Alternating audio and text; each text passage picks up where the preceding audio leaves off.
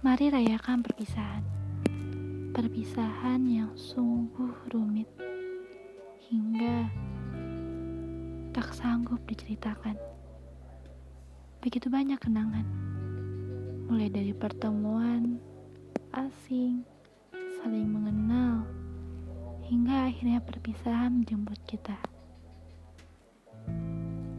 Begitu banyak kenangan,